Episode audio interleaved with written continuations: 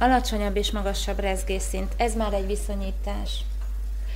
Mindenki tökéletesen azon rezgésszintjén van mindig, ami, ami az ő létezése. Az, hogy mit észlel a saját rezgésszintjéből, az a gondolatokkal való azonosulásának a következménye. Teljesen mindegy, hogy ki milyen rezgésszinten van,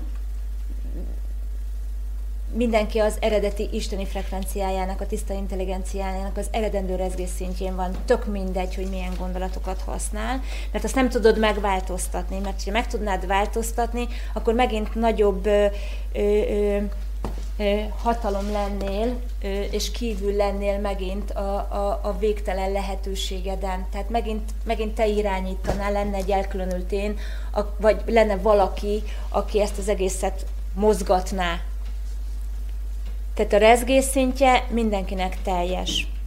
Nincs olyan, hogy ő alacsonyabb rezgés szinten van, mert mit tudom én éppen állandóan részegen megy haza.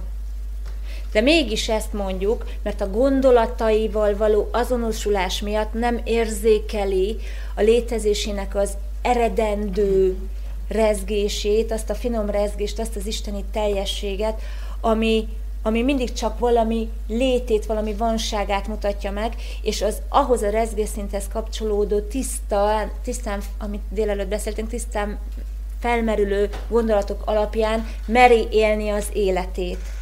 Tehát elhiszi, hogy ő ezt nem kaphatja meg, és az egész élete, a gondolatai, a cselekvése, a gondolkodása, a hitrendszere arra épül, hogy ezt megkérdőjelezze. Ezért egy borzalmas, erős, agresszív ellenállásban van benne, ami olyan szintű elme kapacitást igényel, amiben egy idő után belefárad. Ez a belefáradás hoz létre fász, fásultságot, ami akár alkoholistává, depressziósá, narkósá, kétségbeesetté, állandó ellenállóvá, harc, harcossá teszi, tehát ezek azok, tehát ez az elkülönült én tartja fent ezt az állapotot, amit ugye reggel is megbeszéltünk, és nagyon örültem, hogy az Eszti ezt ilyen tökéletesen elmagyarázta és felismerte reggel, hogy valójában ugye itt azt mondta ugye reggel, aki nem volt ott, vagy később jöttetek, hogy ő nem fél a haláltól, hanem inkább az élettől fél. És ott gyönyörűen felismerte azt, hogy nem tud az élettől félni, csak a haláltól tud félni, mert ezek az elutasító gondolatok, amiket ő megtanult, ő azt hitte, hogy ez az élet, és tulajdonképpen az ismeretlen, ami felé történik a változás, az pedig ugye egy, egy olyan dolog, ami, ami, ami veszélyes lehet, mert ugye hát nem ismeri. Holott valójában, mivel ő a negatív gondolatokat tartotta az életnek, és arra épített fel mindent, védi és ragaszkodik hozzá. Fél elengedni, mert ugye, ugye az az élete, és az okozza magát a félelmet. Viszont valójában az élete az ismeretlen, amiről nem tud semmit, és az be kell merni kockáztatni, tehát tulajdonképpen az elme halálával, vagy az egónak a halálával, hogyha megengedi, hogy az ego, az elkülönült kicsi én, és az a kicsi én hez tartozó gondolatok, vagyis maga a kicsi én, az összes olyan akadályoztató gondolat, ami megkérdőjelezi a tiszta létezésnek a teljességét, azt engedi meghalni, elveszni, eltűnni, és beleengedi magát abba a végtelen ismeretlenbe, akkor kezdi el igazából az életét élni, ami egyébként a kicsi egónak a halála.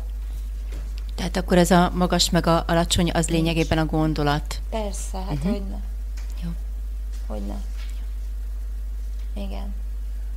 És itt az, a, a kicsi énnek a gondolatom egyébként meg egyáltalán nem létezik, mert a, a, a létezés tiszta természete nem vesz róla tudomást. Tehát pontosan azért, mert nem vesz róla tudomást, ezért nem is támogatja energiával, de nem is akadályozza a létezését, mert számára nincs. Nem létezik. Viszont a magas frekvenciájú gondolatok, amik a természetedből növik ki magát, nevezzük vanságvágy, amit ugye itt a Máté... Az akkor az az érzés. Kezdtük, a, így van, az, az, az viszont egy nagyon könnyű, nagyon áramló, finom, rezgésű érzés, ami ugye nagyon könnyed. azok a gondolatok, amiket itt a kicsi ego támogat, annak meg nagyon erős súlya van, nagyon nehéz, mert ugye egy borzasztó erős energiát kell folyamatosan bele táplálnod ahhoz, hogy azt életben tartsad, mert azt erőszakkal kell életben tartani, hiszen az, mivel nincsen, és folyamatosan el akar tűnni, tehát a figyelem hatására is eltűnik, mert ugye a tiszta énként figyeled meg, mert nem, nem ismered, tehát benne hagyod az ismeretlenben nem akarsz róla semmit sem tudni, és abban a pillanatban ugye eltűnik, mert nem tudod beazonosítani. Tehát azt, azt, azt, azt ahhoz folyamatosan működtetned kell, és az egy nagyon-nagyon erős súly, mert az egy agresszivitás. Azt csak erőszakkal tudod fenntartani, mert mivel semmi nem táplálja. És pontosan azért illúzió, mert tényleg nem született meg.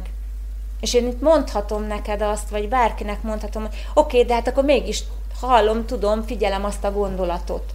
Nem, mert abban a pillanatban, ahogy te nem adsz neki figyelmet, abban a pillanatban eltűnik. De hogyha a tiszta természetből születendő gondolatnak nem adsz figyelmet, az viszont állandóan ott fog kopogni neked. Uh-huh, mert önálló létezése van.